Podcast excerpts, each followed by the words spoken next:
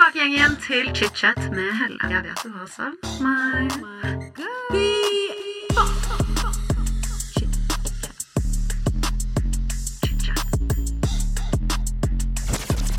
I dagens episode får jeg besøk av Øyunn Krogh, kjent fra både Sommerhytta og Farmen kjendis. Og så må det også sies at hun har fått en ganske heftig following på både Instagram og TikTok de siste par årene. I dagens episode forteller Øyunn om oppveksten på Ås og om dansekarrieren, og hun tar oss egentlig gjennom hele livet sitt fra barndommen og frem til i dag. Øyunn ble jo singel i fjor, så vi kommer oss ikke unna litt sånn kjærlighetsprat i dagens episode. Vi snakker bl.a. om red flags, tidligere erfaringer, utroskapsrykter og om datinglivet. Øyunn har jo som sagt fått en ganske sjuk karriere og er blitt et kjent ansikt i Media-Norge. Og med dette så kommer det jo både mye positive, men også litt negative sider. Øyunn forteller oss i dag om hvordan det har vært å stått i ryktestormer, og hvordan hun takler kritikk. Velkommen tilbake dere til chit-chat med Helle. Øyunn, velkommen til chit-chat. Tusen takk. Veldig godt å se deg i studio. Jo, i like måte. Jeg har jo vært litt syk, så vi har jo måttet utsette denne innspillingen litt. Så det har jo, vi er litt sånn på etterskudd, men veldig godt å se deg endelig her. Endelig er vi her. Ja, det er nydelig. Vi skal jo snakke om livet ditt i dag. Men før vi kommer til nåtid og karriere og sånn, så går vi litt eh, tilbake i tid. For du er jo oppvokst på Ås, Stemmer. som ligger rett utenfor Oslo. Ja. Ja. Hvordan var det å vokse opp på Ås? Det var veldig fint. Eh, Ås er en veldig fin plass. Eh, men jeg, jeg gikk eh, jeg gikk, ok, Skolegangen min er litt komplisert. For jeg gikk frem til femte klasse på Steinerskolen i Ås. Og så lå det en barneskole rett ved siden av der jeg bodde. Så jeg gikk ikke på skole med alle de barna som liksom på, bodde rundt meg. De gikk på samme skole, og så gikk jeg på en annen skole et stykke unna som jeg måtte ta buss til. Fordi mammaen og pappaen min ville at jeg skulle gå på Steinerskolen. Og så var vi bare seks stykker i den klassen.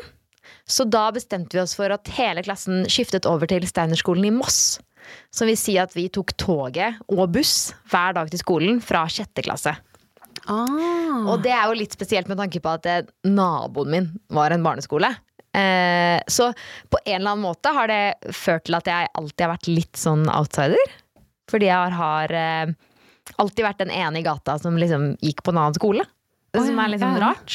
Eh, men ja, nå skal jeg si sånn, men det gikk veldig fint. Men jeg husker at eh, spesielt når vi skulle starte på ungdomsskolen, at da kranglet jeg ekstremt mye med mamma og pappa. For jeg hadde lyst til å starte på, på ungdomsskolen i Ås, på vanlig ungdomsskole. Men de syntes jeg burde gå på Steinerskolen fortsatt. Eh, så da, det husker jeg var, var, var sånn slenging med dører, og dere ødelegger livet mitt, og Å ja, vi har alle vært der. ja, helt sånn trassalder, men også sånn godt poeng. Da. Sånn, jeg hadde veldig lyst til å, å gå på, kunne gå til skolen. Og liksom kunne, kunne ha venner nær meg, da. Men jeg, jeg fullførte også ungdomsskolen på Steinerskolen i Moss, og så når det kom til videregående, fikk jeg velge selv. Ok. Ja, så da valgte jeg eh, danselinja på Ski videregående. Ja, for jeg skulle akkurat si det, fordi eh, jeg har jo lest at du ønsket jo å bli danseproff. Eller hva man, hva man kaller det. Det var kanskje veldig dårlig danseproff, men eh, det jeg syns er gøy, fordi jeg så et klipp av deg, jeg tror det var Sofie Elise som la ut en story for lenge siden, og da sendte jeg til bestevennen min og var bare sånn Herregud, den dama har moves! Og, og bestevennen min, Julie, hun var bare sånn jeg tror hun er danser. Jeg bare, ja, Det forundrer meg ikke, fordi du er veldig flink til å danse. Tusen takk! Takk. Eh, ja, altså det er jo Nå er det kjempelenge siden. Eh, eh, fordi er, jeg ga meg to år etter videregående var ferdig. Og så Det er jo sånn type da, ni år siden eller noe. Det er snart ti år siden. Så, eh, så det føles jo veldig sånn lagt bak meg. Men, eh, men jeg brukte mye tid, altså. Jeg gikk all in når jeg først holdt på med det. Så jeg gikk danselinja i Ski, så gikk jeg spin-off, et forstudium i dans eh, som ligger i Oslo. Og så til slutt så eh, begynte jeg på Ballettakademien i Stockholm. Ballettakademiet. Ja, jeg fullførte ikke, da. Men ja. Det høres veldig skummelt ut. Ja, det høres veldig sånn at bare Vi startet hver morgen med klassisk ballett, men det var ikke det som var liksom linja. Jeg gikk på eh, jazz, så mer eh, popkultur var, ja, Vet ikke helt hvordan jeg skal forklare det, men, eh, men ja, mye mer kommersielt, da. Ja. Eh, så det var ikke Hvis du skal bli ballettdanser, må du på en måte Da hopper du så å si over videregående og begynner rett på, på utdanning, så det er en litt annen vei. Ok, ja, nei, jeg tror jeg kanskje bare assosierer ballettutdannelse med liksom Man hører om Russland og sånn, eh, og Kina, bare land som har sånne ekstreme sånn Ja. ballettregimer. Ja. Men eh, jeg, selvfølgelig kanskje Jeg burde jo kanskje forstått at Stockholm er litt annerledes. Ja, men du kan finne det der òg. Altså, akkurat som i Norge. Du kan finne eh, Det er en mye strengere utdannelse på en måte fordi de er mye yngre og på en måte Ja. Jeg vet ikke helt hvordan jeg skal forklare det, men du finner det i eh, Sverige og i Norge òg. Eh, Konglia heter det i Sverige, og eh, KIO i Norge, da. Eh, jeg, jeg, det er ikke Russland. Misforstå meg rett, jeg skal ikke si at det, det er Men det er eh, i hvert fall det nærmeste vi kommer liksom et sånn strengt ballettregime. Jeg bodde med en venninne som prøvde å komme inn på KIO, og det er en heftig prosess for de som er determined for å komme inn der. Ja. Du har søkt der, ikke sant? Ja, jeg har søkt der. Jeg, søkte, eh, jeg var på audition tre ganger, men jeg søkte fire ganger. Den siste gangen så hadde jeg allerede bestemt meg. Da søkte jeg, og fra jeg søkte til liksom audition var, så hadde jeg tatt valget at jeg skulle gi meg. Eh, men eh, det er en beinhard prosess. Og også fordi det handler veldig mye om at du skal passe med de som går i den klassen. Det skal handle mye om hvilken forutsetninger kroppen din har, hva den faktisk kan bli. Og ikke alltid bare rent tekniske danseferdigheter, da. Og det er litt vondt, for du har jo mest lyst til at det bare skal handle om uh, hvor god du er. Quality sleep is essential for boosting energy, recovery, and well being. So, take your sleep to the next level with Sleep Number. With a Sleep Number smart bed, you can individualize your comfort level and enjoy a better sleep night after night. JD Power ranks Sleep Number number one in customer satisfaction with mattresses purchased in store. And now the Queen Sleep Number C4 smart bed is only $1,599, a saving of $300, only for a limited time. For JD Power 2023 award information, visit jdpower.com/awards. Only at Sleep Number stores or sleepnumber.com. Hey, I'm Ryan Reynolds. At Mint Mobile, we like to do the opposite of what Big Wireless does. They charge you a lot, we charge you a little. So naturally, when they announced they'd be raising their prices due to inflation, we decided to deflate our prices due to not hating you. That's right. We're cutting the price of Mint Unlimited from $30 a month to just $15 a month. Give it a try at mintmobile.com slash switch. $45 upfront for three months plus taxes and fees. Promo rate for new customers for limited time. Unlimited more than 40 gigabytes per month. Slows. Full terms at mintmobile.com. How would you like to look five years younger? In a clinical study, people that had volume added with Juvederm Voluma XC in the cheeks perceived themselves as looking five years younger at six months after treatment. Look younger, feel like you. Add volume for lift and contour in the cheeks with Juvederm Voluma XC. Reverse signs of aging by adding volume to smooth laugh lines with Juvederm Volure XC. For important safety information and to find a licensed specialist, visit juvederm.com. That's J U V E D E R M.com. Not for people with severe allergic reactions, allergies to lidocaine, or the proteins used in Juvederm. Common side effects include injection site redness, swelling, pain, tenderness, firmness, lumps, bumps, bruising, discoloration, or itching. There's a risk of unintentional injection into a blood vessel, which can cause vision abnormalities, blindness, stroke, temporary scabs, or scarring. Talk to a licensed specialist to find out if it's right for you. Det er morsomt at du sier Eller ikke morsomt, men det er sånn jeg ikke har tenkt over. For å være helt ærlig. At det bare Så det du mener er at noen bare kan teknisk sett ikke bli like god som andre pga. forutsetningene man har? det, ja, men det, det spørs jo hva du måler å være god i, da. Eh, Å være god, på en måte. Men det er jo sånn, det handler jo om kroppen du er født i. Hvor, eh, hvor bra turnout du har. Altså hvordan leddene dine er skrudd sammen, liksom.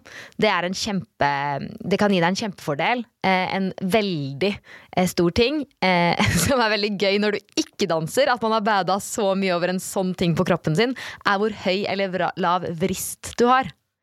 Fordi vristen Ok, nå skal jeg forklare. Eh, vristen er litt sånn som eh, Hvis den er høy, så vil du klare å pointe, da. Mye mer. Den buen vil bli mye større. Hvis du har lav vrist, så vil du ikke klare å få en sånn bue med foten din. Sånn når du liksom prøver å uh, dytte foten din forover Ja, på tærne, liksom. Når du Ja, ja. peker med foten din. Hvis du har en høy vrist, så vil den kunne peke veldig sånn vakkert sånn. Hvis du har en lav vrist, at den er langt nede, så vil det bli sånn. Det vil ikke bli like. Buen vil bli sånn, på en måte. Ok, Så det er bare teknisk sett umulig for deg? Ja, teknisk sett umulig. Men det her, det her, er- du kan ikke si at det stopper deg å bli danser. For det som stopper deg å bli danser, er bare deg selv. Så misforstå meg rett. Men det kan være en veldig ulempe hvis du har lyst til å komme inn på en skole som, som eh, bryr seg mye om de tingene. Da. Og så finnes det mange andre skoler som har helt andre fokuser. Eh, så, så det er alltid muligheter. Det er ikke det det har å, å stå på. Men det kan være frustrerende når du står der og, eh, og bare skjønner at det, det er forutsetninger som gjør det ekstra vanskelig for meg her. Ja, men Det skjønner jeg så godt. Også presset fra det og søknadsprosessen, og det ikke kom inn, og så blir man skuffet, og så er det jo en mega påkjennelse. Ja, og så er det sånn nå, når jeg sitter her og er liksom 27 år, så skulle jeg ønske at jeg kunne si til Øyunn på liksom 17 da, som det er virkelig ikke så viktig. KIO er ikke svaret på alle dine problemer. Og vi bare eh, bygde det opp, hele miljøet bygger det opp til at liksom det er det eneste rette. Og det var derfor jeg dro ut av Norge for å gå på en annen danseskole. Fordi jeg følte det som et så enormt nederlag å bli i Norge og ikke gå på KIO. Det er så trist. Ja, det er så trist, men jeg er veldig bra, glad for at jeg dro ut og opplevde noe annet. Da. Så det var jo på en måte positive ting med det òg, men, men så liksom eh, snobbete var jeg. At det var sånn ingen andre ting i Norge er bra nok, med mindre det er KIO. Men, men jeg husker jo hun venninnen min var det samme. Og hun var også bare sånn Dette er this is it or nothing. Altså det Ja. var og da, da bare at du setter deg ut for den største skuffelsen du kan oppleve, på en måte. Og så er det så mange veier til rom. Men ja, nei, det er jo virkelig en tid i livet, og jeg eh, må si at jeg er veldig glad, for jeg er ferdig med den, eh, den starten av 20-årsperioden der hvor jeg ikke visste hva jeg ville, og hva som ikke var opp og ned. Og Alt var så viktig. Ja, ja, absolutt. Og, og kjæresten jeg hadde på den tiden, var det viktigste i verden. Og utdannelse, og nå er jeg bare sånn lol. Hva faen? Jeg har ingenting på en måte av det livet der, på en måte. Nei, jeg, husker, jeg og bestevennen min snakket om det i stad, fordi eh, når vi gikk på videregående, så eh, hooket hun opp med en kar jeg var forelska i. da Og jeg tenkte bare sånn wow, det sviker, liksom. Og nå er det sånn, hun er den nærmeste i livet mitt. Er det Frida? Det er Frida. Så det er sånn, jeg elsker henne. Den jeg stoler mest på. Så tenker jeg sånn, så bra vi gikk gjennom det på videregående. Så bra vi gjorde de tingene der. At vi klarte å komme Vi hadde aldri vært her i dag hvis ikke vi hadde hatt liksom alle de der tullete kranglene. Eh, så, så hvis det skjer deg, altså du som hører på, hvis eh, en venninne sviker deg, eller hva det kan være, det kan være en blessing in disguise, altså. Du må bare Det er livet. Jeg Ta liker at du er positiv. Ja. Ja. Det er nydelig. Men altså, jeg må jo si, i 2020 så så jo jeg deg første gang på TV. Da var jo du og din ekskjæreste med på sommerhytta og vant hele skiten. Dette var jo første gang kanskje Norge ble introdusert til deg eh, på denne innspillingen, og jeg vil jo tro at dette forandret livet ditt ganske mye. Hva vil du si er den største forskjellen på før sommerhytta og etter sommerhytta? Oi. Åh, det er et ordentlig godt spørsmål. Det er jo derfor det er så mye å ta av. Eh, rent sånn eh, Rent fysisk så har jeg gjort veldig lite forskjell. Jeg bor på samme Altså jeg bor typ 100 meter fra der jeg bodde når jeg spilte inn Sommerhytta. Jeg har eh, veldig mange av de samme vennene. Eh, så rent sånn så har jeg ikke forandret meg så mye. Jeg har ikke liksom eh, endret helt miljø eller alle de greiene der, da. Men, eh, men jeg tror det, det må jo bare være at jeg har fått eh, Jeg har fått en mye større tro på meg selv. Eh, jeg har alltid hatt eh, ganske eh, Og det her er to forskjellige ting. Å ha liksom selvtillit og være selvhøytidelig og ha liksom god selvfølelse. Jeg har alltid hatt høy selvtillit på at jeg kan få til ting. Det har jeg aldri vært redd for. Men med sommerhytta så fikk jeg liksom bevist det. Og det var bare en sånn eh, Også beviste at det, det lønner seg å tørre å feile, da. Og det har jeg tatt med meg så utrolig videre. Det har liksom vært en sånn skikkelig livslæring eh, som jeg har tatt med meg videre i nesten alt jeg gjør. Og som jeg føler ofte resulterer i at du faktisk får til ting. da fordi du tør, og du er ikke redd for å, for å feile. Fordi det var en spesiell Når vi var med der, så husker jeg Det tror jeg var eh, spesielt for eksen min, at han har liksom ikke gjort så mange ting han er dårlig på før. Han hadde gjort veldig mange ting han var god på, veldig vant til å få til ting, og vi var jo helt elendige i starten. Eh, så det, det fikk meg mye til å reflektere over det. Hvorfor påvirkes ikke jeg av det her? Hvorfor syns jeg ikke det er så fælt at vi er så dårlige? Hvorfor blir jeg ikke flau? Så er jeg sånn, oi, jeg, jeg takler det å ikke få til ting ganske bra. Det betyr jo at jeg burde prøve å gjøre flere ting. På en måte, For det, det funker for meg. Jeg, jeg blir ikke så, jeg blir ikke så eh, nedfor da, av å ikke få til ting. Det er egentlig en superbra eh, egenskap, fordi det betyr at du bare kan teste, og så er det sånn hvis du ikke får det til, så er det sånn ok, det er ikke så farlig. Nei, det er prøver en gang til. Herregud. Og du har jo absolutt fått det til, kan man jo si. Fordi i ettertid av dette så har jo du Altså både sosiale medier og TV har jo gått din vei, om jeg kan si det på den måten. Du har jo blant annet vært på Sofa, du har en andreplass fra Farmen kjendis, du har vært med på 24 stjerners julekalender. I tillegg har du 74 000 følgere på Instagram. Du har 89 000 følgere på TikTok. Og nå er du også aktuell med podkast og Sportsløpet, som man kan se på VG+. Altså, kort applaus. Nei, guri. Men det er jo- så flau. Jeg er så sykt hyggelig. Men det er jo veldig imponerende, og dette har skjedd på kun tre år. Altså, Hadde du sett dette for deg når du kom på sommerhytta, liksom? Nei, nei, det hadde jeg virkelig ikke. Jeg har alltid hatt sagt at jeg har hatt lyst til å holde på med underholdning. Det er veldig gøy, fordi nå har jeg slettet jodelen. Men når jeg hadde det, så leste jeg mye sånn Plutselig sånn Ja, men jeg kjenner øyene, hun har hatt lyst til å bli kjendis siden videregående, og drurru. Så er jeg sånn Hæ? tenker jeg sånn, eh, på videregående så skulle jeg bli danser. Det var ikke noe kjendis inn i bildet i det hele tatt. Eh, og så jobbet jeg som barista i to år. Og så liksom, det, er, sånn- det virker som om de tror jeg gikk på videregående i går. At jeg gikk på videregående for tre år siden, og nå har jeg liksom bare vært på planen. Eh, det er ikke the case. Eh, så det er veldig eh, Veldig overraskende. Jeg hadde aldri sett det for meg, samtidig som jeg ikke er overraska. Hvis det gir mening. Jeg eh, tror hvert fall min nærmeste krets, hvis du spør dem er det rart at Øyunn er der hun er i dag, er det rart at hun holder på med det hun holder på med i dag, så vil ingen sagt nei. Oi, det er gøy. Eh, Hvorfor alle- tror du det er sånn? Jeg har jo Altså, jeg, som de fleste som er i den bransjen her, så har jeg ikke noe mot oppmerksomhet. Jeg trives veldig godt med oppmerksomhet, og jeg har alltid holdt på med teater og dans og revy, og vært med på alle sånne ting. I tillegg så har jeg vært veldig frittalende, eh, og ikke redd for en diskusjon. Jeg er minst av fire søsken, så jeg er veldig vant til at det diskuteres mye hjemme. Det føler jeg sier veldig mye om en person. Ja. At du er minst av fire, liksom. Det har mye å si. Eh, så jeg er liksom veldig vant til at eh, ja, du må takle å stå i en diskusjon, og du, hvis du vil bli hørt, så må du si ifra, og litt de tingene der, da. Eh, så jeg har alltid på en måte bemerket meg Vet ikke om det er så positivt alltid, men jeg tror det er veldig sjelden jeg er et sted og folk ikke får med seg at jeg er der. Æsj, så ekkelt å si. I fucking love Jævlig it. ekkelt, men det er sant. Queen! Slay! Altså, jeg elsker dette. Jeg elsker jeg elsker det. Men det skal sies at i et intervju til eh, NRK i desember i 2022, i fjor, så sa du at du ikke ønsker å være influenser hele livet. Ja. Og når du nå sier at du faktisk trives ganske godt med det, hva er det du kunne sett deg for å liksom gjort i stedet? Altså, når jeg sa det, så er det sånn jeg, jeg, jeg ser ikke for meg at det er en jobb jeg har lyst til å være hele livet, men jeg ser veldig for meg at det er en jobb jeg har lyst til å være i nå. Altså, jeg, jeg koser meg veldig mye nå, men jeg er ikke så opptatt av å liksom være sånn Dette skal jeg gjøre hele livet, dette er liksom perfekt for meg, eller om ti år. Jeg aner ikke hvor jeg er da, da. Jeg tipper at det ikke er akkurat der jeg er nå. Eh, og så har jeg veldig lyst til å lage noe. Eh, skape noe. Jeg, jeg tror sånn som den podkasten jeg har startet med venninnen min nå, som føles veldig organisk og veldig sånn eh, riktig. Det er bare et eller annet som sier til meg at det er riktig. Selv om jeg ville kanskje sluttet å vært så mye på sosiale medier, så tror jeg jeg hadde fortsatt, hatt lyst til å fortsette med det. Og det er på en måte ikke en influenser-ting.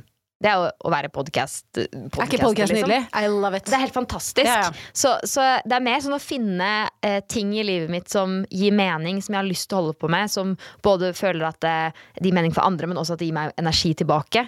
Og holde fast ved de tingene, da. Eh, så det handler ikke så mye om at det er så viktig for meg å ikke være influenser. Jeg er ikke flau over det. Men, eh, men jeg tror ikke det er noe jeg, jeg, som jeg kommer til å få energi av, da. Når jeg kanskje har barn og ja, er et annet sted. Du har bare lyst til å evolve, liksom. Ja. Og gå langs Altså, gå Ja. veien. Ja. Liksom, se hva som skjer og Ja, og så se på det her som bare en, en, altså det er en posisjon med så mange muligheter. Jeg føler meg kjempeheldig, og du lærer også masse om bransjen. Så å jobbe på, en måte på en annen, et annet felt i bransjen, det kunne jeg også eh, gjort. Det her er masse erfaring. Det er mye mer erfaring enn å gå en eller annen bachelor, som jeg har, som bare er tull. For, ja, men Var du bachelor i dag? Jeg har bachelor i prosjektledelse, kunst og kreative næringer. Oi, har, har du brukt den til noe? Nei, ingenting. Jeg husker Herregud. jeg Sorry at jeg ler, jeg Folk tror at jeg er 27 år, liksom. Jeg har gjort ting. Folk er sånn Jeg har en bachelor i det, og jeg, eh, jeg husker jeg hadde, jeg hadde praksis hos Humor Njø. Hos Morten Ramm. I ti uker. Det var første gang de arrangerte Humorprisen. Eh, og jeg var bare sånn eh, Jeg syns jo de var dritmorsomme. Det var derfor der tror jeg faktisk ikke de la spes godt spes spesielt godt merke til meg, for der var jeg bare sånn Jeg var sånn humbled og flau hver dag jeg var der. Og jeg var på det kontoret i ti uker. Jeg tror jeg liksom tror jeg sa Altså, jeg sa så få ord.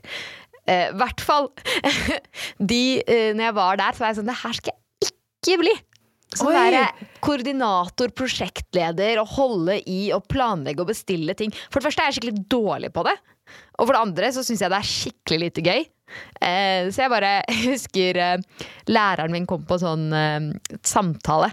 Så det var meg, Morten Ramm og læreren min som satt og hadde sånn samtale om praksisplassen.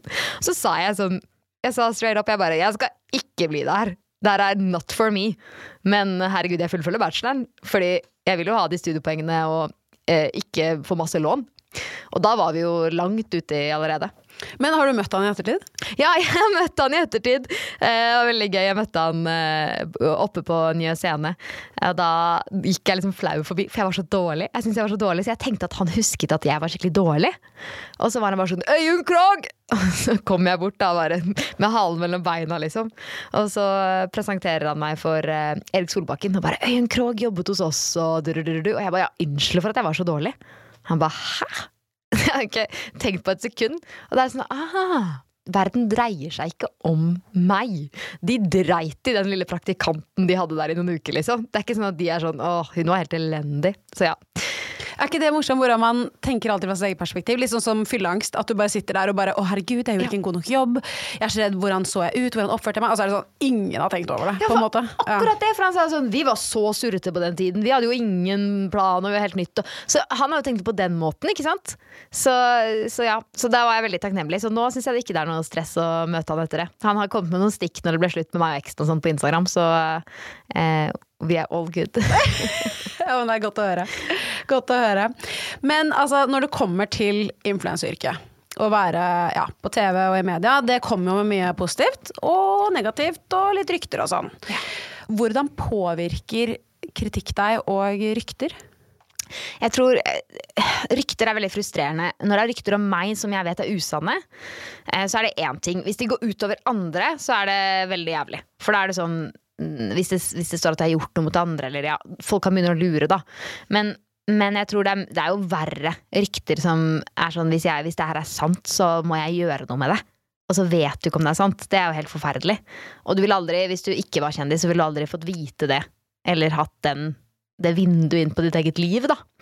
Eh, så eh, rykter er bare slitsomt. Jeg har jo nå slettet alle mulige rykteapper og steder hvor det ofte sprer seg, for det er det jeg tenker. Skal jeg vite det, så, så får jeg vite det uansett. Og jeg trenger, da vil jeg heller få vite det gjennom en venn eller noen som er glad i meg. Og hvis det er en reell ting, så Kommer det frem. Kommer det jo frem, ja. Ja. Mest sannsynlig. Det kan ta noen år, men det kommer frem. Eh, men, men eh, hvis det er Og kritikk, det forholder jeg meg egentlig ganske Egentlig ganske greit til. Jeg, jeg syns det ikke er noe problem hvis, eh, hvis jeg bare er uenig med noen. Men det er den der hvis, hvis kritikken stammer ut fra et narrativ som ikke stemmer. Det er veldig frustrerende, for du har ikke kontroll, da. Og vi er heldige som bor i Norge. Det er lite av det. Media har liksom overskriftene sine og litt vinklinger og sånn, men de eh, er generelt snille.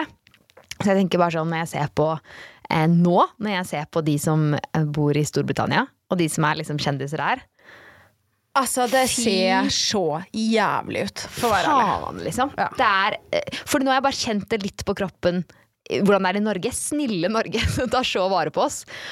Jeg hadde Jeg vet ikke hva Nei, det er helt umenneskelig. Eh, og så tror jeg det kan være litt provoserende når jeg møter mennesker som er sånn Du må børste det av deg. Eh, eller som er sånn ah, Det er bare nettroll og Og spesielt hvis de sier 'jeg hadde ikke blitt påvirket av det'. Det tror jeg er ingen på. sånn eh, Du blir påvirket av én litt uheldig kommentar på Instagram. Du vet virkelig ikke hvordan det her er, liksom. Det, det, du må stå sitt, Du kan ikke si det før du sitter i posisjonen selv, da. Eh, og det er veldig ofte gutter som sier det. Eh, oh, ja, er det? ja, og det er sånn Du er ikke så du, du er veldig sårbar på andre ting, så det har vært veldig overraskende for meg hvis du her bare sånn Det driter jeg i. Ja. Men det er så uh, Herregud. Jeg syns det er veldig rart når at folk driver og forteller om en situasjon de aldri har sittet i selv. Men får du da dette i, i innboks, liksom, eller er det venner av deg? Eh, som, hva mener du da? Nei, som gutter, da, som på en måte sier sånn er Herregud, bare la det prelle av deg. Nei, det er Liksom. når jeg snakker med dem. Ja, okay. Hvis de skjønner at jeg har blitt på en måte Hvis jeg er sånn Nei, jeg er nedfor i dag av det og det og det, så er det sånn Herregud. Det blir for dumt, liksom. Det er tolvåringer på, på TikTok. Så er det sånn Det er ikke bare det! Men ja. Men, men så eh, For all del, det er jo eh, Det skal mye mer til nå å liksom eh, eh, komme inn på meg enn det det skulle før. Og igjen, det er det der hvis narrativet ikke stemmer. Hvis jeg føler at det folk sier er løgn. Det er da det er provoserende, ikke hvis de er uenig. Eh, så Det skjønner jeg veldig godt, da. Og så er det en farlig ting med det, og det er at jeg begynner å bli mindre mottagelig for kri Det er det jeg syns er skumlest. At jeg blir mindre mottagelig for konstruktiv kritikk av de jeg faktisk har lyst på det fra. At jeg liksom blir mer sånn setter opp et skjold. Men det kan jeg forstå. Men det Oi, det har jeg ikke tenkt på det perspektivet av det før. Nei, det er bare litt sånn skummelt, da. Det har jeg ikke lyst til. Så jeg tror derfor det er så viktig for meg nå å ta tak. Fordi jeg vil, jeg vil være et menneske som er åpen for eh, kritikk når det kommer med kjærlighet, på en måte. Ja. Ja. Nei, det føler jeg er viktig. At eh, hvis en god venninne av meg kommer til meg og, og sier noe til meg Det var sånn jeg virkelig ikke klarte før. Jeg Ja. det var så vondt. Det var, jeg har jobbet i mange år altså, for å mm. klare å ta konstruktive tilbakemeldinger. Det, det tror jeg faktisk ingen liker å få, men altså, det, man må jo bare lære, da. Det er jo sånn Ja. livet er, liksom. Ja. Og så noe man sier, og kanskje man ikke mener det i verste mening, men noen tar det på den måten, og det må man jo høre på og respektere andres følelser. Men eh, jeg skjønner det at når det kommer fra et sted som det ikke er noe sannhet i, og at det bare har på en måte bare Det er litt sånn viskeleken. Du sier noe, og så kommer det ut på slutten som noe helt annet enn det det var i starten. Ja, det må være veldig, veldig frustrerende. Veldig frustrerende, det skjønner jeg veldig godt. Quality sleep is essential for boosting energy, recovery, and well being. So, take your sleep to the next level with Sleep Number. With a Sleep Number smart bed, you can individualize your comfort level and enjoy a better sleep night after night. JD Power ranks Sleep Number number one in customer satisfaction with mattresses purchased in store. And now the Queen Sleep Number C4 smart bed is only $1,599, a saving of $300, only for a limited time. For JD Power 2023 award information, visit jdpower.com/awards. Only at Sleep Number stores or sleepnumber.com. How would you like to look five years younger? In a clinical study, people that had volume added with Juvederm Voluma XC in the cheeks perceived themselves as looking five years younger at six months after treatment. Look younger, feel like you. Add volume for lift and contour in the cheeks with Juvederm Voluma XC. Reverse signs of aging by adding volume to smooth laugh lines with Juvederm Volure XC. For important safety information and to find a licensed specialist, visit juvederm.com. That's J U V E D E R M.com. Not for people with severe allergic reactions, allergies to lidocaine, or the proteins used in Juvederm. Common side effects include injection site redness, swelling, pain, tenderness, firmness, lumps, bumps, bruising, discoloration, or itching. There's a risk of unintentional injection into a blood vessel, which can cause vision abnormalities, blindness, stroke, temporary scabs, or scarring. Talk to a licensed specialist to find out if it's right for you. Hey, I'm Ryan Reynolds. Recently, I asked Mint Mobile's legal team if big wireless companies are allowed to raise prices due to inflation. They said yes. And then when I asked if raising prices technically violates those onerous two year contracts, they said, What the f are you talking about, you insane Hollywood ass? So to recap, we're cutting the price of Mint Unlimited from $30 a month to just $15 a month. Give it a try at mintmobile.com slash switch. $45 upfront for three months plus taxes and fees. Promo for new customers for limited time. Unlimited more than 40 gigabytes per month. Slows. Full terms at mintmobile.com. Men litt med tanke på privatlivet. I høst så avslørte du at du hadde en, en ny flørt. Eh, Men under viksen nå i januar så fortalte du at du var helt singel. Ja. Og i tillegg sa du til Nettavisen at du har aldri vært så singel som du er nå. Oi. Hvordan er det å være sjukt singel? Fy faen. Ja, den røde løperen der, altså. Der mistet jeg litt kontrollen. Det Hvis det hjelper, så tror jeg alle For alle har drukket litt, og så Ja, kommer du ja, liksom snubling, og så plutselig kommer rød løper her sånn Hallo, hvem dater du? Ja, ja, ja. ja. Ja. ja nei, å, jeg fikk litt, der hadde jeg litt sånn jeg satt, husker jeg satt oppe det runde bordet når det var prisutdeling, og så klikket det inn i familiechatten. Så hadde noen liksom linket til Øyunn Krogh ute etter et utrolig bra ligg. Og jeg bare Hva faen, Øyunn? Å nei! Eh, så vulgært og bare Nei, men det, Jeg tror bare egentlig det som var viktig for meg å få frem, var bare at jeg, eh, jeg er ikke på fordi den relasjonen jeg nå har hatt da, de siste månedene, har vært veldig fin. Og hadde jeg vært klar, så tror jeg kanskje jeg hadde endt opp i noe der, noe seriøst. Men jeg har nok innsett at jeg ikke er klar. At jeg har veldig mange ting jeg er nødt til å liksom ta tak i alene. Og, og eh, når jeg går inn i en relasjon, så, så blir jeg veldig bevisst på å vise hensyn. Eh, og jeg tror liksom Jeg må prøve å kjenne litt på det livet. Hva, hva gjør jeg når jeg slipper å vise hensyn? Hvordan, hvordan er jeg da? Eh, og forme den personen så, så den kan bli til før den eventuelt finner noen, da. Eller går tilbake til noe, eller ja. Men i hvert fall er klar for noe um, For å bygge sammen noen. Jeg tror det er helt alfa og omega. Ja. At man har funnet seg selv og i hvert fall måten man ønsker å leve på uten å ta hensyn til andre. Da. Det kan være familiemedlemmer og venner, men også selvfølgelig en partner. Da. Jeg tror det er megaviktig. Men var det du da som valgte å avslutte den relasjonen? Ja, altså det, det var på en måte Vi begge var enige at det var, eh, var det lureste. At det ikke var noe vits å fortsette hvis, hvis, eh, hvis det var bare å utsette et problem, da. Så det var, vi var egentlig enige i det, for begge likte hverandre veldig, veldig godt. Eller gjør det fortsatt, herregud. Men ja. Og det har vært eh, eh, helt sykt nice. Å bare være liksom sånn nyforelska og flørte og ha det er det masse sex og bare Ja, så det har vært en skikkelig fin tid. Eh, men så kom vinteren, da, og du, du skjønner at det... eh, Ja, mm, jeg trenger virkelig å kunne prøve å se hva er det egentlig jeg er komfortabel med å si. Hva er det egentlig jeg er komfortabel med å ha på meg? Hva er det egentlig komfortabel med å liksom uten at, jeg- uten at jeg tar hensyn eller tenker over, selv om ikke den andre personen presser det på meg. Så ja. Rett og slett bare Det er så klisjé! Det er så klisjé, Men så er det sånn Nå er, har jeg sjansen! Nå har jeg sjansen til å gjøre det. Men det er kjempesmart, fordi plutselig da, så finner du deg noen om et par år, så får man barn plutselig. Så, så er jo ikke den muligheten der lenger. Så jeg tenker at dette er bare voksent og smart. ass. Ja, jeg følte meg veldig voksen i den avgjørelsen. Ja, At det var det sånn. Og så tenkte jeg sånn, nå skal jeg prøve å eh, Ja. Prøve å sjekke opp folk og prøve liksom Men det, ok, fordi da kommer neste spørsmål. Er du på datingapper? Vet du hva? Jeg lastet ned Tinder. Eh, jeg ble kasta ut en gang, men så kom jeg meg inn igjen. eh, og det var noe jeg liksom sa at jeg aldri skulle gjøre. Men fy fader, så kjedelig det er å være singel. Det er jo så snork! Jeg vet det, faktisk. Eh, så det er jo egentlig bare kjedsomhet som gjorde at jeg, jeg gjorde det. Men jeg har, jeg har matchet med noen, men jeg har ikke snakket med noen i det hele tatt. Jeg, eh, det er bare et sånt stort steg, da. Eh, også fordi Men er ikke det lættis? Sånn, Nå er det jo en stund siden jeg hadde Tinder, men det var sånn Jeg kunne matche, Ja. og så var jeg sånn Å, kjempegøy! Og så var jeg sånn Ikke snakk til meg! Ikke snakk til meg! Ikke snakk til meg! Ikke melding. Eh, eh, og det er liksom noe som er eh, veldig bra. da jeg, jeg liker jo det at noen ber ut på date med en gang. For jeg kunne aldri sittet og chattet lenge med noen og så ikke visst hvilken energi det egentlig var på den andre siden av mobilen. på en måte Fordi jeg har lyst til å vite hvilken energi jeg snakker med. Eh, så det er riktig move å be meg ut med en gang, men eh, jeg har ikke turt Alle hører det. å Alle som snakker med Øyunn på Tinder. Det er bare å bjuda på med en liten øl. Ah, så kleint. Men jeg har, ikke, jeg har ikke turt å si ja. Og så vet jeg også at jeg er eh, Jeg er en chaser. Jeg liker, jeg liker best å chase. Ja, okay, Jeg nice. liker best å sjekke opp. Å ja. Men det, det liker jeg å høre. Det er gøy.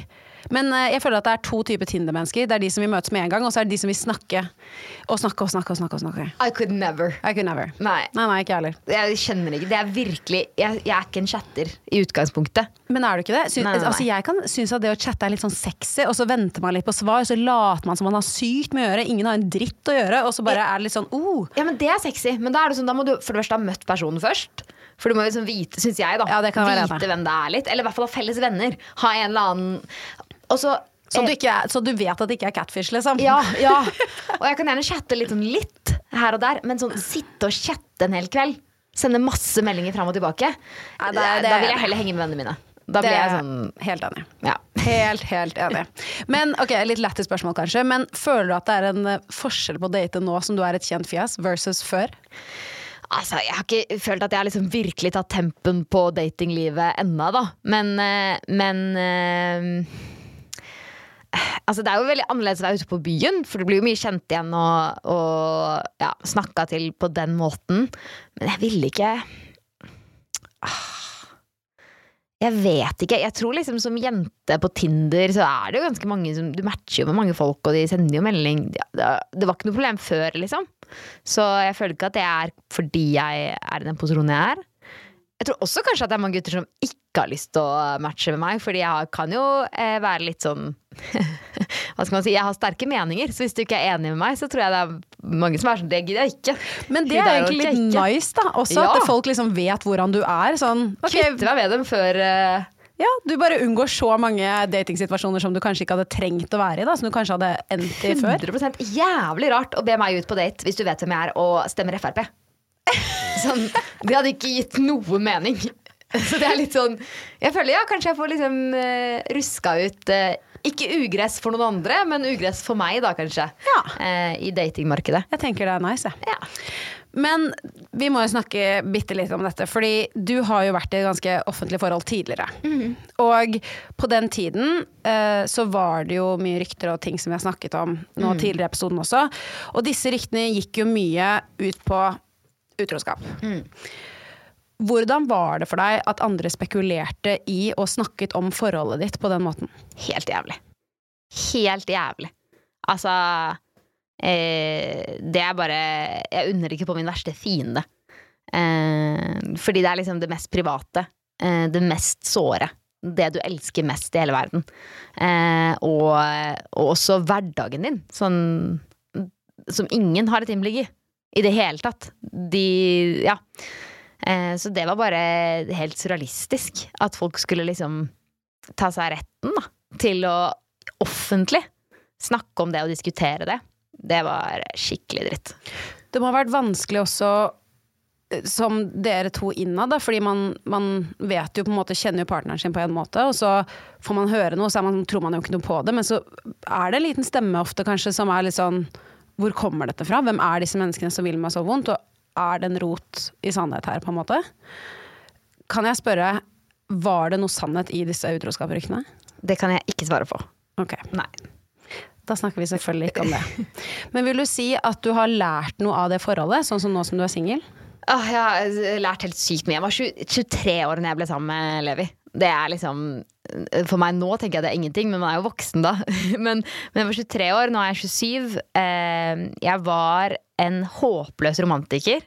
Eh, jeg har blitt veldig mye mer kynisk. Eh, eh, og så har jeg veldig lært meg at eh, jeg har blitt mye mer brutal, tror jeg.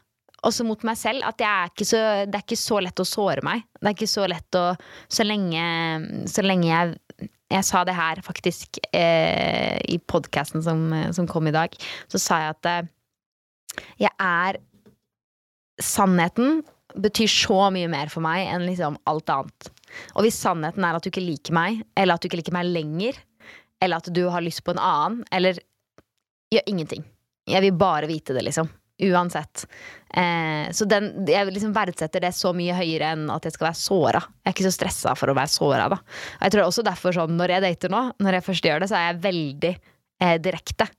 Eh, fordi jeg bare gidder ikke å sløse tid på noe som ikke eh, Jeg gidder ikke å romantisere noe og lage noe og finne på noe i hodet mitt.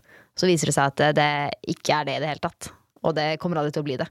Så ja, jeg tror jeg er blitt veldig mer sånn, bare litt mer brutal etter det forholdet. Men det tror jeg bare er sunt. Ja. Jeg tror det jeg, jeg føler, Det er jo lett, altså når du er forelsket, så bare forsvinner jo bakken under føttene dine. Altså, det er jo det beste i hele verden. Og, og hvis man da ikke har vært i den situasjonen så mange ganger før, så, så tror man jo på alt det kanskje en partner sier. Eh, man setter seg i en veldig sårbar situasjon. Og jeg vet ikke helt, jeg bare tenker tilbake på mine tidligere forhold, og ja, herregud hvor mye jeg har lært av situasjoner jeg også har vært i. Og, og jeg har jo ikke opplevd direkte store, store svik, men bare red flags, da, som jeg kanskje burde ha sett. Eksempel liksom skjule telefonen sin. Eh, ikke vise Snapchat åpenbart. mm. eh, plutselig bare ikke svarer når man har en avtale, selv om den var litt sånn flytende. Altså jeg bare, det er ikke store ting som man lett kan snakke bort, fordi at hvis du hadde vært med en venn, så hadde det vært helt naturlig at kanskje vennen hadde glemt å svare deg, men når man er i en kjæresterelasjon og er forelsket og på en måte Jeg vet ikke jeg bare om det gir mening, men jeg eh, har lært mye. Ja, og Kan så jeg bare hvis, hvis man forelsker seg igjen, så er det jo veldig lett å se bort fra noen av de flaggene man egentlig vet man burde eh, Det er jo det, det er veldig sånn lett å bli revet med. Man blir jo forelska. Det er jo en på en måte sinnstilstand som gjør at du glemmer veldig mye. Men allikevel da, så tenker jeg når man kommer jeg skal prøve å være snill med meg selv og være sånn Du må huske at de tingene her er nødt til å være på plass. Eller hvis du skjønner at det her Hvis du merker at en person kan være litt trua av liksom, det du får til, eller har lyst til å snakke ned det du driver med, med en gang så er det over og ut. Det, det er ikke, jeg, jeg skal ikke ha det, liksom. Det er helt uaktuelt at mitt nærmeste menneske skal få en eller annen høy på at jeg skal få en lav. Hvis det gir mening? Ja, Det er liksom, og de tingene der er vanlig. Det er kjempevanlig. Jeg merker det med karer med en gang, som er sånn Ja, det er ikke så mange som hører på den podkasten din. Hvorfor i helvete skal du si det? Skjønner, hva, hva, det gir ingen mening. Og jo, det er ganske mange. Veldig mye flere enn de som hører på den ikke-eksisterende podkasten din. Så så, så det er liksom litt sånn Åh, jeg vet ikke. Og så Altså, jeg har jo vært i det jeg har forholdt meg til som et eh, lukket, eh, eh, gjensidig respekt-forhold. Og eh, jeg vet jo hvordan jeg eh, er i det, og jeg har lært mye om liksom, hvordan jeg har lyst til å være i det i fremtiden. Jeg tror også jeg har lært at verden er ikke svart og hvitt. Det er viktig at du ser det mennesket du er med, da. Og, eh, og gjør det tydelig for at de kan være hele seg. Det er, er jævlig komplisert, det kjærlighetsgreiene, så akkurat nå er jeg veldig klar for bare å date litt. Ja, det skjønner jeg, Og ikke altså. liksom være sånn Nå må det være hele for resten av livet, oss to. Mm. Nei, det er, det er så fint. Herregud. Altså, du har jo datet eh, sånn som han eh, forrige nå, eller Ja. kanskje det var en dame? Jeg tror det var en var- mann. en. Det var en. Um, sånn, med tanke på liksom alle relasjoner du har hatt siden du var liksom tenåring, Mm. er det noen røde flagg som du tidligere har valgt å overse, som er liksom sånne helt klare nos utenom den ene du nevnte nå? Ja, nei, altså det er jo den jeg nevnte, klart. Eh, og så er det eh, moody. Hvis noen er veldig moody. Ja. Det, det takler jeg ikke. Sånn liksom generelt bare litt sånn dårlig stemning? Bare ja, sånn at de, de tillater seg på en måte å være Hvis de tillater seg å være i dårlig humør uten å gi meg en grunn. Fordi det betyr ikke at det, Og grunnen trenger ikke å være 'jeg vet akkurat hvorfor jeg er nedfor i dag', for det vet man ikke alltid. Men å hvert fall si sånn 'jeg er nedfor i dag'. Det har ikke noe med deg å gjøre.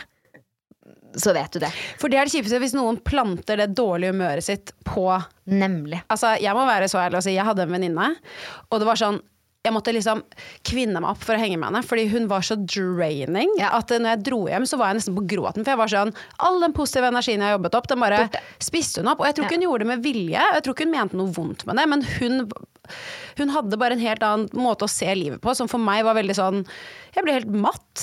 Og liksom lei meg av bare måten hun så på ting. Hvis jeg var sånn 'Nå skal vi lage middag', så var det sånn Ja, jeg skal i hvert fall ikke ha det. Ja, Hvis du skjønner hva jeg mener. Sånne Det er akkurat det. Ok, men da finner vi noe annet, liksom. Ja, ja, ja det, og, så det, det er veldig viktig. Eh, og så tror jeg også at jeg er en person som ikke er redd for å si ting i vi-form. Og jeg er veldig opptatt av at man skal være to individer i et forhold. Men hvis du er livredd for å være et vi, du er livredd for det, det syns jeg er veldig rødt flagg. For det er sånn jeg, kom, jeg prøver ikke at vi skal være en duo som skal erobre verden. Jeg gjør min greie, liksom. Mm, Jeg, kom, jeg har ikke lyst til at vi skal bli samme person. Men hvis du skal være livredd for å være et vi, så er det bare et rødt flagg. For det er sånn, hvorfor er du så redd for det? Ikke poste meg på sosiale medier. Red flag. Jeg skal bli posta. Hvis du har sosiale medier, så skal jeg faen meg bli posta. Hvis du ikke har det, super green flag. Men hvis du først har det, så skal jeg bli posta, altså. Men det er jeg helt enig i. Helt enig. Driver du ikke med sosiale medier, poster du ingenting, liksom, bare sånn for vennene dine, ikke, gjør ikke noe. Men det er, det er fucka. Hvis du poster av livet ditt, og så er ikke jeg en del av det. Det er helt uaktuelt. Det er helt enig. Ja, og så eh, ah, Jeg har mer. Jeg har masse mer. Woohoo! Skal vi se. Jo. En ting som også er Bare generelt, eh, hvis personen har et behov for å få meg til å føle meg Eller har bare et behov Det sa jo i stad, å snakke ned, da, men det kan plantes til så mange andre ting i livet òg. Bare sånn eh, Ikke stole på mine råd, eller ikke tar ting jeg sier seriøst. Det der er kanskje det jeg kan relatere mest til. Jeg vet ikke hvorfor, men jeg bare, det der traff meg skikkelig. Ja, eh, Hvis du spør meg om noe, og så gir jeg deg svaret, og så ringer du en eller annen for å få det samme svaret, så jeg sånn, men jeg, jeg vet 100% Du trenger ikke å jeg, jeg vet det. Jeg skal si det til kjæresten min etterpå. Ja, jeg kødder ikke. For det der føler jeg jeg kan oppleve litt i forholdet mitt. Ja. Og uh, I'm so sorry, honey, I love you. Men det er bare en ting at jeg liksom, hvis jeg sier sånn Det og det syns jeg er bra, eh, jeg tenker at den og den løsningen er den beste. Så sånn, vi må få inn en, en profesjonell. Ok, Profesjonell? Hvem er profesjonell på å velge hva slags sofa vi skal ha i stuen vår? Det er jo vårt valg. Hva, hva tenker du, på en måte?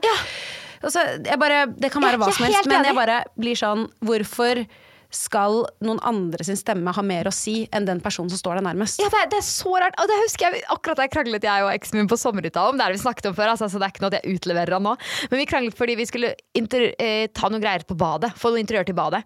Og så var vi eh, i en baderomsbutikk, og så ble jeg bare frustrert fordi vi hadde litt penger. Og så sa han bare sånn Ok, men kanskje vi skal spørre en av de som jobber her om hjelp? Så sa jeg nei, vi trenger ikke hjelp til å velge hvilken. Altså sånn.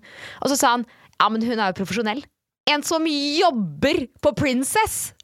En som jobber på Princess er profesjonell! Jeg var bare sånn Ikke for å snakke ned de som jobber på Princess, men det er Princess på storsenter. Hun går på videregående, liksom. Sånn, det var bare at jeg eh, Vi hadde litt penger, det var vanskelig for å velge. Vi kan godt spørre hva hun syns, men det er sånn Og så kalle dem profesjonell. Det blir bare å ta bort all verdi i det jeg bryr meg om. For ja, det er litt det, da. Én som du vet ikke hva du snakker om. Opplegg.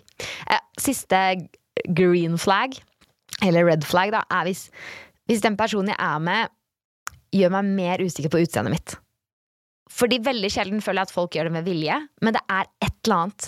Kanskje måten de snakker om seg selv, eller måten de snakker om vennene sine, eller det er et eller annet dialogen de har med sine venner seg imellom, som jeg eh, eh, er til stede og opplever. Altså bare generelt Hvis jeg, når jeg er med dem, føler meg dårligere, har mer lyst til å endre på ting, har liksom eh, vanskeligheter med å Det er et skikkelig rødt flagg.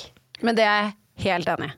Altså sånn, jeg datet en fyr en gang som fikk meg til å føle meg akkurat sånn. Sånn, Måten han var rundt vennene sine, fikk meg til å føle meg liten. Eller bare sånn Og han gjorde kanskje egentlig ikke noe galt i hans øyne, men måten jeg følte at han introduserte meg, var liksom sånn, det var ikke så farlig, på en måte. Måten han uh, snakket til meg, måten han snakket om utseendet til andre kvinner, fikk meg til å bli kjempeukomfortabel.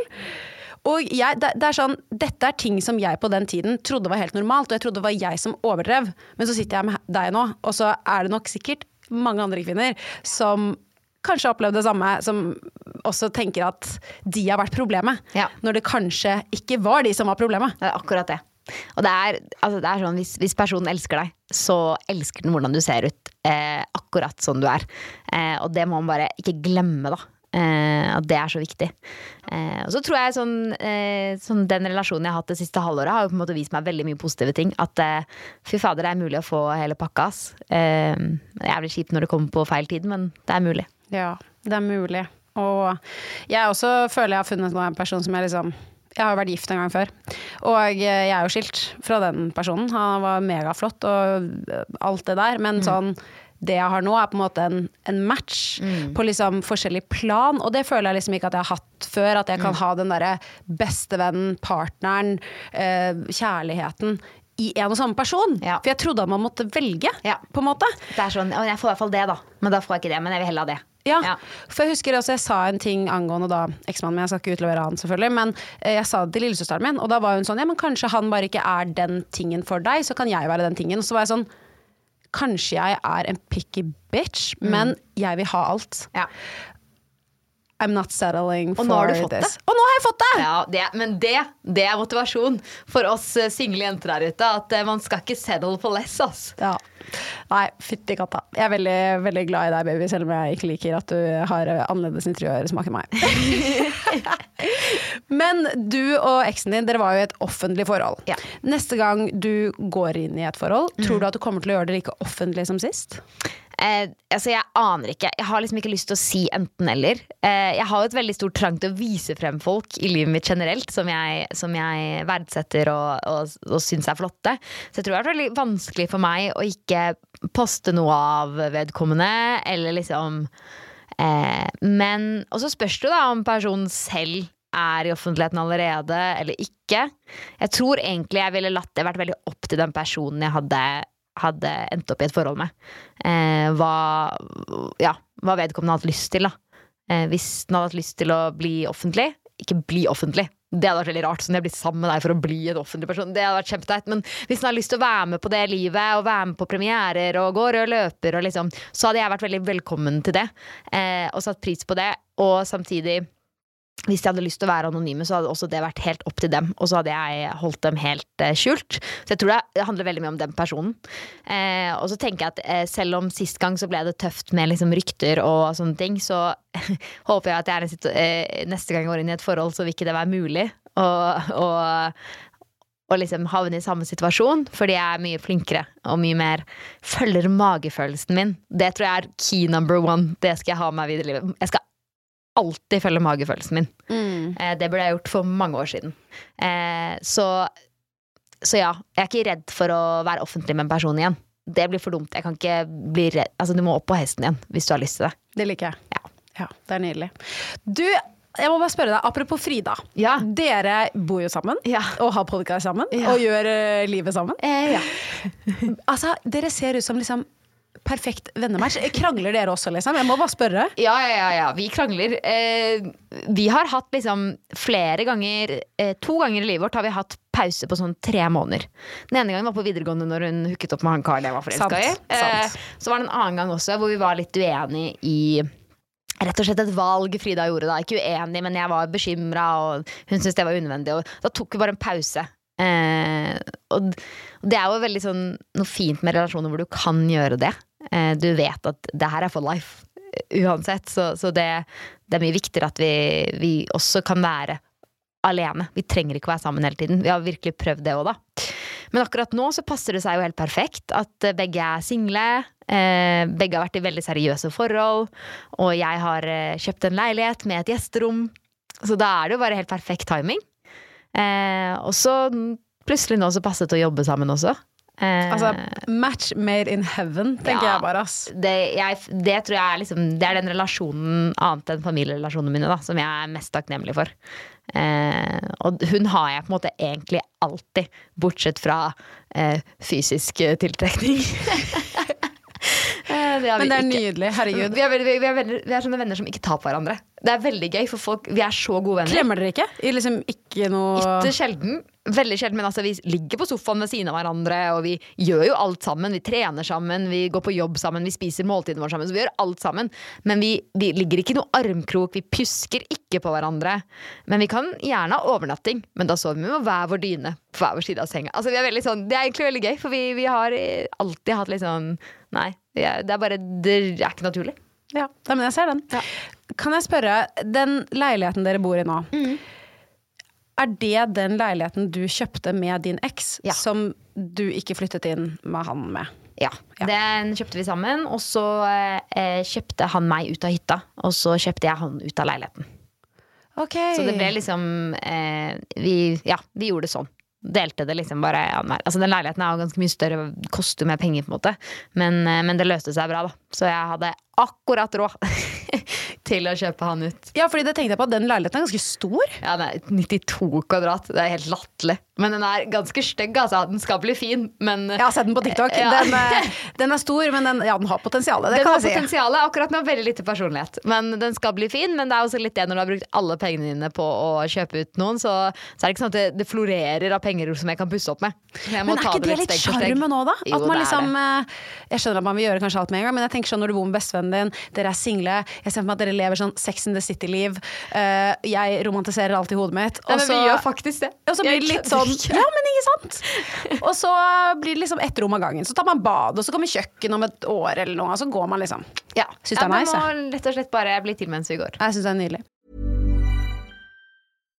If you're looking for plump lips that last, you need to know about Juvederm lip fillers. With Juvederm Volbella XC and Juvederm Ultra XC, your lip look, whether it's subtle or bold, can last up to one full year with optimal treatment and no additional maintenance. Find a licensed specialist and see if it's right for you at juvederm.com today. That's J U V E D E R M.com. Add fullness to lips in adults over 21 with Juvederm Volbella XC or Juvederm Ultra XC. Do not use if you have severe allergies or a history of severe allergic reactions, or if you're allergic to lidocaine or the proteins used in Juvederm. Tell your doctor if you have a history of scarring or taking medicines that decrease the body's immune response or that can prolong bleeding. Common side effects include injection site redness, swelling, pain, tenderness, firmness, lumps, bumps, bruising, discoloration, or itching. As with all fillers, there's a rare risk of unintentional injection into a blood vessel, which can cause vision abnormalities, blindness, stroke, temporary scabs, or scarring. For full important safety information, visit juvederm.com. Altså, du har jo vært med på mye TV og gjort så sjukt mye de siste par årene, men får vi se deg noe på skjermen i året som kommer? Ikke noe planlagt ennå, faktisk. Eh, men sånn her, jeg tar det veldig med ro. Sånn her, jeg har veldig lyst. Det er kanskje ikke akkurat Det har vært veldig mye øyne i monitor nå, så det er ikke så viktig for meg. Eh, jeg føler ikke at liksom, karrieren min eh, depends on it. Så jeg tror mer at hvis det kommer opp noe som jeg har lyst til å være med på, så eh, sier jeg ja. Eh, akkurat nå er det ingenting, men hver gang jeg har vært med på TV, så har jeg aldri fått forespørsel mer enn to måneder før. Oh, ja. Eh, Så jeg tar det veldig med ro. Ja, nei, Så det er ingenting planlagt nå, eh, men vi får se.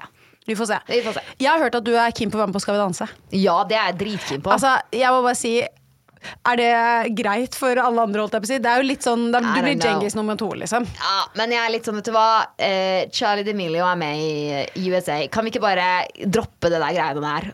Hvis vi vil se litt bra dans, så kan vi ikke liksom Jeg, jeg må innrømme at jeg syns det er litt teit. Jeg Zendaya var med, liksom. Jeg er helt enig. Hun er danser. Charlie er en av verdens beste dansere. Det er helt, det er helt fantastisk å se på. Eh, Det er helt helt og så er det sånn, det er ti år siden jeg la danseskoene på hylla. Så, eh, Vet du hva jeg og jeg tenkte at de burde gjøre? Jeg har aldri danset selskapsdans. Aldri. Det er sant, og jeg snakket med Alex om det. Alexander Joner. Ja. Jeg syns at det burde være en All Stars, hvor det er kjente mennesker som er dansere. Mona Berntsen. Øyunn. Alexandra Joni. Altså, skjønner du hva jeg mener? Folk som har litt dansebakgrunn. Ja, det hadde vært jævlig sjukt. Hvor sjukt hadde ikke det vært å ha hatt en hel sesong i Skal vi danse med kun folk som faktisk kan danske? Djengis kommer inn igjen. Og så liksom de Stian som Blipp. Ikke sant? Ja, Safari. Ja. Han er også helt rå. Ja, det har vært dritgøy. Men jeg snakket faktisk med en kar i TV 2 om det her. Eh, ikke fordi jeg pitcha det eller noe, men det var bare sånn Du burde jo pitche det, da. Ja, jeg burde det. eh, og da sa han at problemet er bare at det norske publikum kjenner ikke god dans.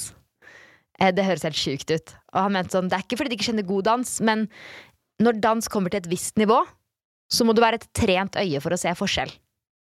Så eh, når det er nybegynnere som danser, så er det ganske lett å se hvem som er god og dårlig. Men når det er gode dansere som danser, så er det, må du være veldig proff for å se hvem av de som er best. Sant. Eh, det var derfor dansefeber ikke funka så bra i Norge, da. Sa han da, det vet ikke jeg. Det her er Men det Jeg var jo keen på den ideen. Dansefeber var jo the hottest Det The hottest shit, men de må ha mista jævlig mye seertall. Det det, At ikke folk stemte. Jeg vet da faen, jeg. Men altså, ut av det programmet så fikk vi jo Alexandra Joner og Mona, da. De Ja. kom jo fra De var jo, ble jo kjent på grunn av dansefeber. Ja, ja, Og så husker du det var en sånn derre eh, audition hvor de skulle finne to hovedroller i en musikal de skulle sette opp. Ja. Der var også Alexandra med, tror jeg. Ja. Det husker, det, var, så- det husker jeg. Elsket det! Altså, jeg elsket det. Men altså, vi burde prøve å Åh, de eller vi, lol. Vi. De Vi burde, fikser det nå. Vi fikser det, du og jeg fikser det. Men det hadde vært gøy å grave i sånne gamle reality-konsepter. Og ta det opp igjen. Ja. Ja, det hadde vært helt sykt gøy. Den store klassefesten. altså det greiene her. Det var med Dan Børge, holdt jeg på å si, eller hva det heter. Han Ja, ja, ja, ja. Ah, det var så gøy. Så satt de gamle klassekameratene der, og så om å huske flest navn på dem. Og, nei, det var dritgøy. Og det var, jeg føler at det var sånn NRK gullalder. Ja, det var det. Jesus. What a time to be alive. Men la oss eh, snakke litt om 2023. Har du noen mål eller noe du ønsker å oppnå i året som kommer? Eh, jeg har veldig lyst til at eh, denne podkasten skal liksom få lov å vokse. Det er en av de, hjerteprosjektene mine akkurat nå. Og så holder jeg på med disse strikkegreiene mine, da. Du er så søt. Eh, Jeg elsker folk som strikker. Søsteren min strikker nå genser til meg. Ja. Det, altså, verdens beste julegave. Jeg fikk Jeg ønsket en strikkegenser. Jeg var sånn, Strikk hva du vil. Jeg tar det jeg får. Jeg var sånn. Bare gi meg et eller annet du har lagd. Og så fikk jeg et kort til jul hvor det sto du kan velge hvilken oppskrift i verden du vil. Jeg kjøper garn og strikker. Å, fy søren. Altså, det er jo kjærlighet. Ja, det er det. det er liksom- kjærlighet. Og jeg gikk da for Trygg-genseren til Skappel Ja, Sofie Elise. Jeg syns den er så fin. Ja, dritfin. Og så så jeg liksom Sofie gikk rundt med den som kjole på sommeren. Jeg bare solgt! Jeg skal gå med høye hæler og den strikkegenseren. Det er det jeg skal gå i. Kult. Ja. Men jeg må bare si det at det å se på sånne strikkeprosesser, og folk som liksom lager ting, så litt sånn som fabrikk og sy Ja. og sånn Altså, jeg blir mesmerized. Ja, jeg blir helt hooked. Det er helt fantastisk. Og det er så deilig. Det er så tilfredsstillende. Det er jo sånn oppussing-ting og i fortfilm. Det er sånn, ah, Helt enig. Ja. Helt, helt enig. Nei, men eh, jeg gleder meg til å se hva du fortsetter med med strikkegreiene. Ja, jeg tror, jeg tror det blir bra. Og så er det liksom ja, det er bare å prøve å liksom finne de gode prosjektene eh, og de gode samarbeidspartnerne, og bare holde fast ved det og, og videreutvikle det. Det høres nydelig ut. Men herregud, Øyunn, det har vært en, altså, en glede å ha deg her i studio. Takk, takk for at jeg fikk komme. og Kos meg masse. Åh, jeg også. Tusen takk for at du kom i chit-chat. Takk. Og til deg som har lyttet til denne episoden, hvis du likte det du hørte, så gå gjerne inn i appen og abonner på ChitChat med Helle. Da får du automatisk opp nye episoder hver eneste torsdag. Og hvis du er ekstra grei, så legger du gjerne igjen en review. Det hadde jeg satt kjempestor pris på. Vi høres!